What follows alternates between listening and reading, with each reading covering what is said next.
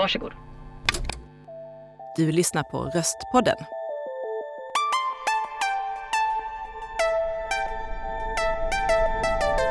Det där är Marta Hedener som är förlagschef på Storytel Publishing Sweden. Storytel är dels en streamingplattform där alla förlag kan lägga sina ljudböcker och dels Storytel Publishing Sweden, alltså ett ljudboksförlag som ger ut 400 titlar 2019. Och där är Marta Hedener alltså chef.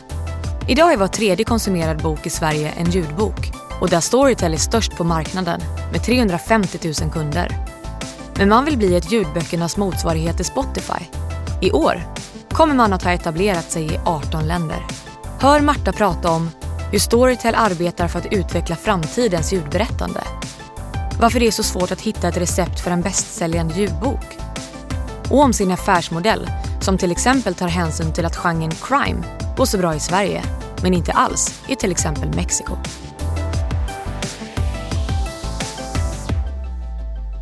Hej och välkommen till Röstpodden Marta Hedener. Tack! Du är förlagschef på Storytel Publishing Sweden, gubevars. Det stämmer ja. Och eh, vi ska prata om Storytel som är störst bland de eh, streamande ljudbokstjänsterna som finns i Sverige. Eh, men ni växer väldigt mycket också, ni etablerar er utomlands. Så det är intressant så. Och vi ska också prata om denna explosion av ljudbokslyssnande och ljudkommunikation kan man kalla det för. Eh, om vi ska bara berätta lite om dig. Eh, hur länge har du varit på Storytel? I min eh, nuvarande roll så har jag varit ungefär ett år, men jag har varit i Storytel-koncernen kan man väl säga sedan 2015. För innan jag gick in i den här tjänsten så var jag förlagschef på B. Wahlströms bokförlag. Ja. Som Storytel köpte då eh, 2015. Men du har varit i bokbranschen ganska länge i varje fall. Ja, det har jag varit hela mitt liv kan man nästan, eller mitt Jaha. vuxna liv. Eh, Jag började som eh, barnboksbibliotekarie, eller barnbibliotekarie säger man. Ehm, Och jobbade med det under ett antal år. Ehm, Och så sadlade jag om till förlag eh, Mm. för, eh, vad blir det, åtta, Mm. åtta år sedan ungefär. Eh, Och gick då in på, på B. Wahlström som förläggare och sen har jag varit kvar där och nu så är jag på, på Storytel. Det här är spännande. Jag gissar att man blir eh, bibliotekarie för att man är bokentusiast. Kan man behålla den entusiasmen även när man går in i förlagsvärlden och liksom jobbar med affärer och med personal och sådär? Ja, men det tycker jag. Men det är klart att det, att det blir på olika vis. Ja. Eh, när man arbetar med att förmedla litteratur så har man ju en lite lyxigare tillvaro. Mitt eh, tidigare arbete på Svenska barnboksinstitutet, där hade jag ju som jobb att läsa alla i Sverige utgivna barn och ungdomsböcker och att Jaha. analysera dem och rapportera dem och föreläsa kring det på olika sätt. Ehm, och när man sen går in i förlagsdelen så är det ju väldigt eh, härligt att vara med i den kreativa processen, i skapandeprocessen. Så. Ja. Men visst får man ett lite mer, ett, ett litet annat synsätt på, på böcker än vad man har när man, när man så att säga bara förmedlar dem. Jag vet människor som älskar musik och så börjar de jobba med musik eh, och kanske inte exakt det de vill göra. Men de orkar aldrig göra den här musiken de älskar på kvällarna för de är liksom lite slut i huvudet av allt musicerande och all, eller allt lyssnande. Blir det likadant när man jobbar med böcker? Ja, nej men det är ju så när man jobbar, när man jobbar med böcker och med text så är man, man, man arbetar ju mycket med det som så att säga ligger på ens eget bord och då Ja. kan det vara svårt ibland att, det vet jag många av mina kollegor, att hinna läsa någonting som så att säga bara för privat eh, Exakt. Ni har ständigt nöje. dåligt samvete. Det, det, Ja, jag känner inte så. någon i förlagsbranschen som är så här, jag borde läsa mer, jag borde läsa. Och eller lyssna mer också Ja. för den delen. Förvisso. Ja men vad roligt. Ska vi börja prata om Storytel? Eh, ni vill bli som Spotify för ljudböcker ungefär, påstår jag. Eh, och ni startade 2005. Eh, ni har 770 000 betalande kunder varav 350 000 i Sverige. Det är ju väldigt många. Det är det. Och nu, ni håller just på att lansera er i, ni säger marknader, vi menar länder också va? En marknad är ett land va? Ja. Så 15 länder håller ni på att eh, etablera er och i år ska ni vara i, etablera er i Tyskland, Singapore och Brasilien. Just det. Eh, då tänker jag, ska vi reda ut delarna i Storytel-sfären? lite så snabbt, men så att man fattar, för det är så himla många Ja. eh, delar. Liksom. Var, var, var är du och vad gör ni? Precis, jag är ju i förlagsdelen. Storytel har ju liksom två ben kan man säga, streaming och eh, publishing. Och streaming är ju tjänsten Storytel, appen Storytel. Just där alla förlag får liksom komma upp och så streamas det. Precis. Mm. Och sen så har ju Storytel, eh, dels äger Storytel flera förlag, alltså eh, Norstedts bland andra. Eh, och sen har Storytel också en egen förlagsverksamhet som såklart är helt inriktad på digitala format, tonvikt, ljud. Och det är där som, som jag finns, eh, vi finns, men vi är ju ett förlag gentemot tjänsten Storytel precis som alla andra kan man säga. Ja, Mm. just det. Och i detta förlag, eh, vad är det för delar där? Precis, Storytel Publishing Sweden då eh, består av fem imprints kan man säga. Alltså vi har ett... Eh, ja, Vad är det? eh, ja, alltså mm, Delar? varumärken eller Ja, varumärken. så, förlagsnamn namn kan man ju säga egentligen. Ja. Ehm, så Storyside är vårt ljudboksförlag. ja. Och vårt, så där, eh, Där görs det ljudböcker. Ja, precis. Vi Mm. producerar ju egna ljudböcker. Ja. Eh, och ehm, sen har vi också då en, en originalutgivning eh, som vi kallar för Storytel Original. Som vi har, eh, där finns utgivning både för, för vuxna och för barn. Just det. Eh, och sen har vi då också journalistik eh, i ljudformat som vi kallar för Storytel Docs. Det. Och så har vi eh, förkortade faktaverk kan man säga under varumärket Storytel Brief. Varför är det sån stor boom med ljudböcker eh, just nu? Ja, alltså jag- tänker så här, för, för tio år sedan så tror jag inte att någon hade kunnat förutse att var tredje lyssnad, eller var tredje konsumerad bok eh, skulle vara en ljudbok. Nej. Ehm, och då var ju e-boken det, det nya stora och, och som alla liksom gick och väntade på att snart så kommer det här att slå igenom. Och det hände aldrig och istället blev det ljudboken. Och jag, jag tänker att givetvis den smarta telefonen eh, är ju liksom eh, Grunden. förutsättningen, Ja, förutsättningen, för att det här ja. skulle kunna hända. Mm. Eh, och där var ju Storytel också väldigt snabba, nästan lite för snabba för man satte igång Ja. och det, det lossnade ju för Storytel i och med att smartphones kom. Just. Ehm, och jag tänker att där är det ju också dels tillgängligheten att, att kunna ha en, en hel katalog, ett helt bibliotek av böcker i sin telefon. Mm. Eh, men också då möjligheten att läsa även när man så att säga normalt sett inte skulle kunna göra det på, på, på gymmet eller när man diskar eller när man städar och så vidare. Just det. Så de faktorerna gemensamt, men sen ska man inte heller, tänker jag, glömma bort att det är väldigt behagligt, tycker de flesta människor, att få något berättat för sig. Mm. Oavsett om man är vuxen eller barn faktiskt. Och jag tror att i vårt samhälle med så mycket visuella intryck hela tiden, inte minst från våra smartphones, eh, så kan också ljudboken vara, skapa ett lugn och en, en avgränsning Ja. liksom, som jag tror att många människor uppskattar. Nu hårdspekulerar jag, men kan det ligga något i att vi har inte haft skriftspråk så himla länge, men vi har ju verkligen eh, haft en berättartradition i mänskligheten i tusentals år. Ja. Kan det ha blivit så att det liksom präntats in i någon slags DNA att vi gillar det här berättandet? Vad tror du? Jo men det tror jag. Alltså den, den tryckta boken är ju en relativt modern uppfinning Ja. och dessförinnan så förmedlades ju all kunskap och, och alla berättelser och traditioner muntligt. Eh, så det är ju... eh, Och egentligen är det väl i, först i början av 1900-talet som folk började gå i skolan och lära sig läsa. Det är nästan bara hundra år Ja, man har lä- kunnat läsa i, i gemene man. så. ja, precis. Men allting har berättats. Ja. Tror du Ja. på det där med DNA? Eller är vi långt ute då?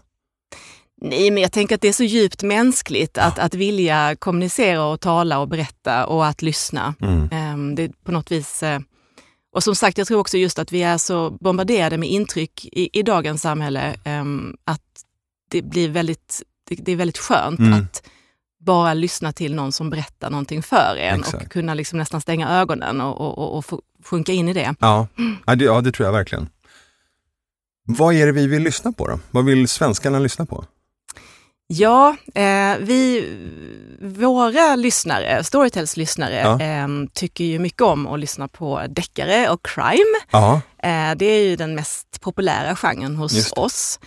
Eh, sen uppskattar man ju egentligen samma sak som, som eh, pappersboksköparen. Det är inte några jättestora skillnader skulle jag säga. Men det är crime och sen så är det feel good är väl ganska stort också? Va? Feel good är också stort. Ja. Erotik har ju blivit jättestort. Om man, nu, jag tror inte så att man går och köper en erotikbok, men man kan lyssna. Hur, hur stor procent är det? Vet vi? Eh, erotik ligger ju i alla fall topp 10 tror jag bland, bland våra genrer. Eh, så det finns liksom en stabil, eh, stabil grupp som lyssnar på det. Um, och jag tänker precis som du att eh, det kan finnas ett visst motstånd att gå med en erotikbok till disken i, i bokhandeln. Ja. Men det motståndet blir mycket mindre när man kan lyssna på den och ingen ser vad det är man lyssnar på. Ingen ser vilken orgie man är inne i på tunnelbanan. Precis. Eh, du såg ju lite frågande ut när jag sa att ni vill bli ljudböckernas motsvarighet till Spotify. Jag kan inte säga att jag kan citera någon, men för mig ser det ut som det. Eh, det är en streamingtjänst och ni vill etablera er i så många länder som möjligt och ni är väldigt aktiva. Så. Ni är nästan som en sån stor startup. Eh, så. Eh, hur tänker ni när det här ska etableras i olika länder?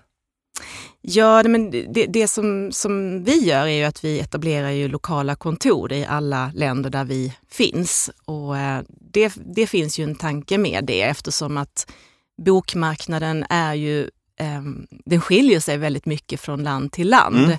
Eh, vad folk tycker om att läsa, hur mycket folk eh, lyssnar på ljudböcker, eh, vilka genrer och ämnen som är populära. Vet ni det innan? Eller liksom lär ni er under tiden ni är där? Ja, um...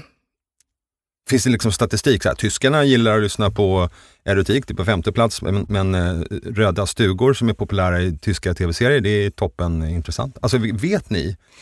In, innan vi går in i ett land så, så görs det ju naturligtvis mycket research och, mm. och, och, så. Um, vi har ju ett expansionsteam som arbetar med det och jag är inte så insatt i exakt hur de Nej. tänker. Men Nej. självklart så, så, är det ju någonting som är viktigt för oss att, att veta eh, innan vi etablerar oss på en marknad. Absolut. Just det, men det är väl lite chansning för jag har förstått att en del marknader som ni går in i, där är inte ljudbokslyssnandet särskilt stort. Där är man ganska ovan. Precis. Ja. ja. Um, det, det, det, det, har vi gjort och, och, då har man ju fördelen av att kunna bygga den marknaden å mm. andra sidan. Just det. Mm. Jag ser framför mig såna här missionärer med, med vita Panama-hattar som bara kommer ut i djungeln och så här, ska etablera ljudböcker. Eh, du berättade också i telefon när vi pratades vid tidigare att till exempel, du sa ju tidigare att äh, i Sverige så är crime väldigt stort. Mm. Men i Mexiko är det inte alls stort.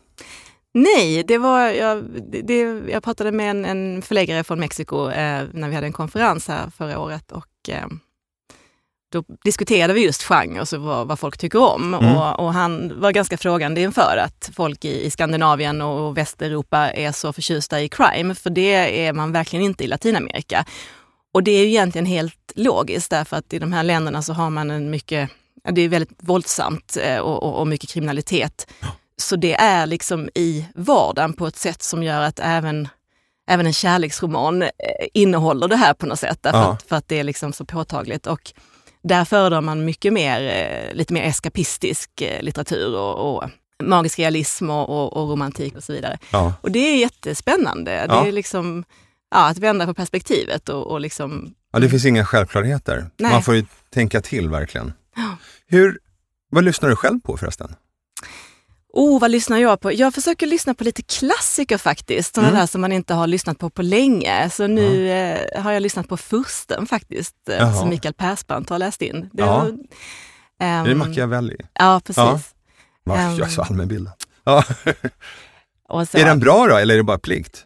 Nej men den är ju bra, den ja. är ju bra, den är väldigt speciell. Men han sen har han ju en fantastisk röst ja. också så, att, eh, så det har varit ganska njutbart faktiskt att lyssna på den. Ja. Um, men sen lyssnar jag ju mycket naturligtvis i jobbet. Jag försöker ju lyssna igenom våra egna produktioner. Ja. Vi gör ju 400 ungefär i år, så det är, det är ganska mycket. Så jag hinner inte lyssna på allt. Men det är lite pliktlyssnande, men jag tänker när du väl orkar. Eller är det som den här musiken, du orkar inte riktigt lyssna? Jo då, Nej, men jag har lyssnat på Harry Potter faktiskt. De har jag ja. inte läst på länge och Björn Kjellman har ju läst in dem eh, för oss. Just det. Och de är fantastiska att lyssna på, ja. så det har varit väldigt härligt. Ja. Ja. Ja, ja, jag har faktiskt börjat lyssna på dem också, de är jättefina. Men om man pratar om, jag tänker framförallt Storytel Originals är sånt roligt koncept. För det, det liknar någonting som, det närmaste kanske är eh, Netflix originals. Så här, det är egenproducerat. Men det är en rolig process också. Kan du berätta liksom, tanken bakom och hur ni arbetar? Ja, eh, Storytel Original är ju originalserier som, som vi har utvecklat för, direkt för våra lyssnare kan man säga och direkt för ljud då. Så att eh, det, det vi gör är att eh, ibland så har vi ett koncept eller en idé som vi ja, beställer är ett lite fult ord att mm. använda, mm. men vi kontaktar en författare och frågar, skulle du kunna skriva utifrån det här? Förlåt, jag tänker innan dess, har ni gått ut med något formulär eller har ni, liksom, har ni kollat med lyssnare vad de vill lyssna på? Vi har ju väldigt mycket kontakt med våra lyssnare. Dels mm. så har vi ju forum i sociala medier, eh, en grupp på Facebook som heter Snacka om ljudböcker bland annat. Eh, och vår kundtjänst har också mycket kontakt med lyssnarna. Och sen så har vi ju naturligtvis också rätt så mycket kunskap om vad våra lyssnare eh, tycker om att lyssna på och ja. när de tycker om att lyssna Just på det. och så vidare. Men det ingår liksom inte i det där projektet att ni liksom frågar 500 pers, liksom, välj, välj tre av 50 stycken ämnen och så går ni på det? Nej, så har vi inte gjort utan vi har ju egentligen utgått ifrån, okej, okay, våra lyssnare uppskattar crime så Just vi det. borde rimligen göra någonting här. Just det. Um, och um, så mer, mer åt det hållet ja. skulle jag säga. Förlåt, jag avbröt. Ja, ni anlitar en, en författare? En författare, ja. ja. Och sen så skriver vi, ber vi att få en, en, något som vi kallar för en pilot. Mm. Um, och för konceptet Storytel Original är i sin ursprungsform i alla fall eh, tio avsnitt är en timme. Så det är liksom ett periodiskt berättande. Um, och så utifrån det här första avsnittet som vi begär in så bestämmer vi om vi ska fortsätta eller ej. Och då skriver författaren uh, de följande avsnitten i tätt samarbete med en förläggare hos oss. Så vi är väldigt involverade i, i processen faktiskt från, från början när vi gör uh, originals. Just det, och det där är, um, det där är egentligen mer ett tv-seriesätt att förhålla sig till innehåll. Men I förlagsvärlden har ju ja, det varit olika olika arbetssätt, men oftast blir det så att någon som skriver en roman får skriva en roman helt själv mm. och sen så tar ett förlag beslut på var den bra eller dålig. Så mm. Och då är det ganska jobbigt att vara författare om man inte är Jan Guillou. Men vad ni gör är att ni har en idé från början tillsammans med författaren och sen eh, pratar ni om vad som ska hända. Och ni förhåller till varje avsnitt också att det ska vara cliffhangers, det ska hända. Det är väldigt ja. filmiskt, det är väldigt visuellt liksom som ni skriver. Ja. Och att ni gör ett team. För liksom ni, ni spräcker den där, he, det där heliga författarskapet, utan det blir mera just ett samarbete, eller hur? Ja, absolut. Helt så. Och hur, hur vet ni hur vet ni om det blir bra eller inte? Kan ni veta det först när ni ser lyssnandet eller känner ni liksom under tiden att det här blir en hit? Jo men det känner vi. Alltså, vi har ju, det, det finns ju liksom vissa parametrar att förhålla sig till um, när man skriver en, en, en Storytel Original. Och det är ju dels att det ska finnas ett driv, det ska vara ganska rakt berättat. Vi behöver ha cliffhangers i slutet på varje avsnitt. Mm. Uh, inte för många karaktärer, inte för mycket tidshopp eller så. Nej. Och sen så känner vi ju igen en bra berättelse när vi ser den såklart. Vi har ja. duktiga förläggare som har erfarenhet från, från förlagsbranschen i, i många år som, som är med och, och se till att det blir så bra som möjligt. V vilken är er största hit bland dem? Oh, jag tror att vår största hit är Svart stjärna av Jesper Esgård. Det var en av de första eh, Storytel Original som vi släppte och ja. den har gått fantastiskt bra. Den har vi faktiskt gjort eh, tryckt bok av också. Mm -hmm. För så gör vi ibland. Vi har en liten printutgivning så att vi eh, gör eh, pockets eh, ja. på vissa av våra Storytel Original. Just det. Om man tänker på framtiden då, hur, hur tänker du som förlagschef kring, ska man utveckla mediet på något sätt med ljud eller vad vet jag? Eller hur, hur tänker du? Ja, men så vi, för oss är det viktigt att fortsätta vara innovativa och att liksom driva utvecklingen av, av ljudformatet som, som vi ju gör. Samtidigt eh, så utgår vi ju alltid från vad våra lyssnare vill ha och våra lyssnare uppskattar väldigt mycket berättelsen. Och liksom, eh, så att vi, vi försöker ge dem sånt som de kanske inte visste att de vill ha ibland. Nej. Men vi, vi, har också ett, ett starkt fokus kring, kring den goda berättelsen i, i dess. Men kan du berätta någonting om, om lite mer konkret så här, vad, vad, som fin, vad det finns för möjliga liksom, utvecklingsmöjligheter? Jag vet att eh, andra pratar om, eller om man pratar om podcast till exempel, så går man väldigt mycket mer mot att det är ljuddesignat. Man jobbar mycket mer medvetet med musik eh, och med ljudläggning och ibland till och med med dramatiseringar. Mm. Eh, hur funkar det hos er? Ja, alltså framförallt på barnsidan så arbetar vi en hel del med ljudläggning och, och, och ljudmusik i viss mån. Ja. Ehm, och det är ju såklart intressant med, med liksom, ja, flera röster eller liksom dramatiseringar. Men vår erfarenhet är faktiskt att de allra flesta ändå uppskattar en röst eh, mer. än Ja, och man, inga ljud, det berättar du i Ja. telefon. Jag blev helt upprörd. Det är som Ja. att gå in i en glassaffär med 200 smaker och bara, nej jag tar vanilj, hej då, och så går man därifrån. Ja. Men det är intressant. Det är intressant, men det kan ju också eh, naturligtvis förändra sig. För att jag tänker att vi har ju liksom en, en, en, en grupp lyssnare som har sin smak, men ju Mm. fler de blir, desto mer breddas ju också ehm, ja, smakpreferenserna eller det man, det. det. man önskar. Så det kommer ju påverka både hur ljudformaten eh, utvecklas, men också hur katalogen utvecklas, tänker jag. Men är det så hård konkurrens? Det finns ju Bookbeat, Nextory, har glömt någon av de stora. Eh, Adlibris har ju börjat med en tjänst också. Mm. Är, är, är de uppre- nu får du inte vara djävulens advokat, får du hjälpa mig om det finns någon till. Är det någon till? Nej, men det är ju de som är de stora, sen finns det Just kanske... det. Ja. Några mindre. Mm. Eh, är det tufft emellan eh, när det gäller konkurrensen och att man inte kan berätta om vilka idéer man har och sådär? Hur, hur ser det ut? Alltså det här med idéer är man ju alltid lite försiktig med att dela med sig Ja. av naturligtvis. Ja. Och så är, så är det ju oavsett vilken bransch man är i tänker jag. Ja, Um, alltså jag skulle säga så här, den, den största konkurrenten för oss är ju egentligen eh, alltså sociala medier och streamad film och tv. För tid, det är ju tid vi konkurrerar om Mm, trots det.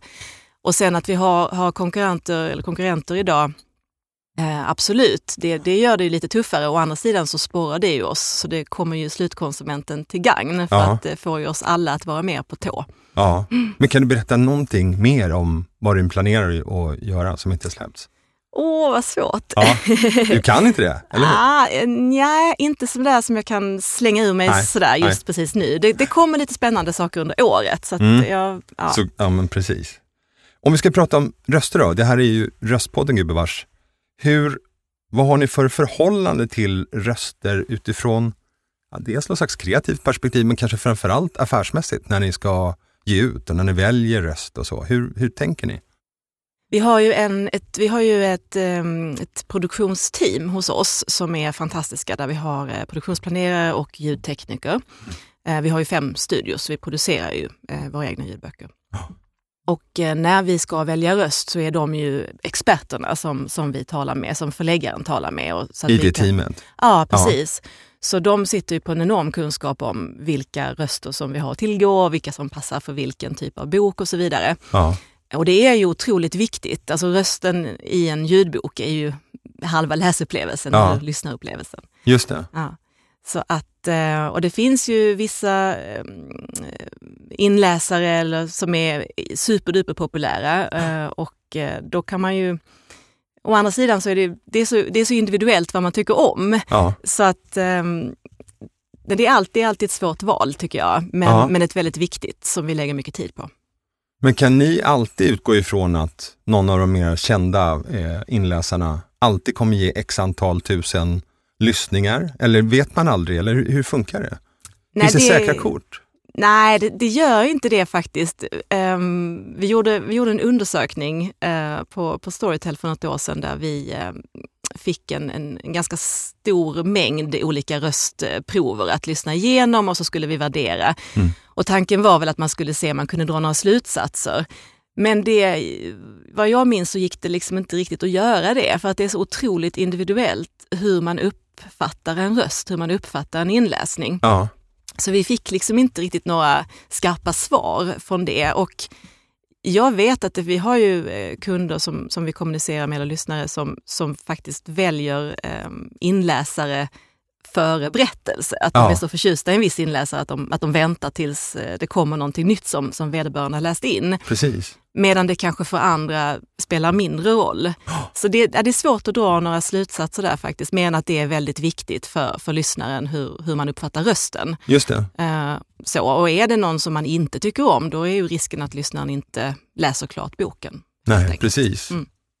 Får ni klagobrev någonsin på så här, eh, sluta med den inläsaren eller i, Ja. i den här boken slaskade de och smaskade? Absolut. Det? jo då, det, det, det, det, vår kundtjänst får nog ta emot en, en hel del kritik och, och, och, och även ros naturligtvis. Ja. Så. Ehm, jo, men folk har mycket synpunkter på, på det här med inläsare. Är det någon röst som står ut sådär som är så här, älskad eller hatad men inte så mycket neutralt? Ja, jag skulle säga Stefan Sauk, eh, som är en av våra absolut mest populära inläsare. Ja. Eh, men som, och som många älskar. Men Ja. så finns det de som absolut inte gillar honom och då kan de inte lyssna på, på någonting som han har läst in. Ah, vad roligt. Mm. Ja, jag gillar honom, jag tycker han är bra. Och han utvecklas hela tiden tänker jag. Eh, ja, vi behöver inte gå in på det, men han är väldigt ambitiös, det är roligt. Ja, han är fantastisk. Eh, men om vi ändå pratar om framtiden. Eh, vi har tagit upp ett ämne tidigare i den här podden som är Mm. artificiella röster. Och eh, det är väl säkert att vi kommer att få höra artificiella röster som liknar mänskliga röster väldigt mycket. Hur tror du att det kommer se ut om fem, tio år? Kommer ni använda er av artificiella röster? Oh, vilken svår fråga. Jag, Mm. Naturligtvis så följer vi ju den utvecklingen. Mm. Ehm, och det är klart att på fe- fem, tio år, det vet vi ju av erfarenhet att det är en väldigt lång tid. Så Ja. det har säkert hunnit hända mycket. Så, så som det ser ut idag så har jag svårt att se att man Mm. skulle kunna ersätta Stefan Sauk med en artificiell röst. Det, Ja, det nej. känns mer eller mindre omöjligt. Men det är ju det, det är så lång tid i tekniksammanhang så, Ja. så det är svårt. Jag, jag vågar inte svara på det. För då kommer Men jag principen då? Eller om jag ska spekulera så tror jag att det är svårt att, att kanske eh, ge en, en, en, roman rättvisa, liksom en Mm. artificiell röstare. Men att läsa upp en artikel eller en informationstext kräver kanske inte så mycket av uttryck, att det kan bli vanligare där. Har du någonting emot det eller vad, vad tänker du själv? Nej, jag har, jag har egentligen inget emot det så. Jag håller med dig. Alltså hård fakta kan man absolut tänka sig. Och jag tänker också på, på eh, taltidningarna. Jag jobbade som taltidningsredaktör för, för hundra år sedan. Och, Vad roligt, eh, Katarina Evelöv var här igår och hon var inläsare just också. Där. Ja, vad kul. Ja. Ja. Nej men det är ju det, alltså, det, det, det, då ersatte man ju alltså, människor som, som läste upp eh, nyheter med just eh, talsyntes. Ja. Och det blev inte så lyckat tror jag. Ehm, men, Nej, men, då var det så dålig teknik också. Exakt, Ja. men det är klart att, att i takt med att den tekniken förbättras så, Ja. så är det ju naturligtvis fullt möjligt. Just det. Har du något eh, ljudbokstips som du tycker är extra bra? Åh, ja, jag vill tipsa om Världens sömnigaste historia som, Mhm. som eh, Storytel Original Kids ger ut eh, Ja. av Andreas Palmer. Eh, det är en helt fantastisk eh, berättelse, eller ja, det är en sorts faktabok kan man säga om, om sömn och, och sovande genom historien och Jaha. som också är väldigt sömnframkallande så att den, den fyller två Nej, vad syften. bra. Ja, den är riktigt bra. Vad Mm. roligt. Är, är det något vi har glömt prata om, tycker du Marta? Oh, jag, jag tror inte det. Nej. Eh, Det är ingen som pock här. inget som pockar. Nej. Tack så jättemycket för att du var här. Tack själv, jättekul Väldigt att vara här. roligt och intressant. Tack, hej. Du har hört Röstpodden. Programledare var Ola Ringdahl, ljudansvarig var Amanda Runestam och denna podd produceras av Online Voices, proffs på ljud och röst på alla språk. Gå in på röstpodden.se om du vill lyssna på fler avsnitt eller läsa mer om programmen.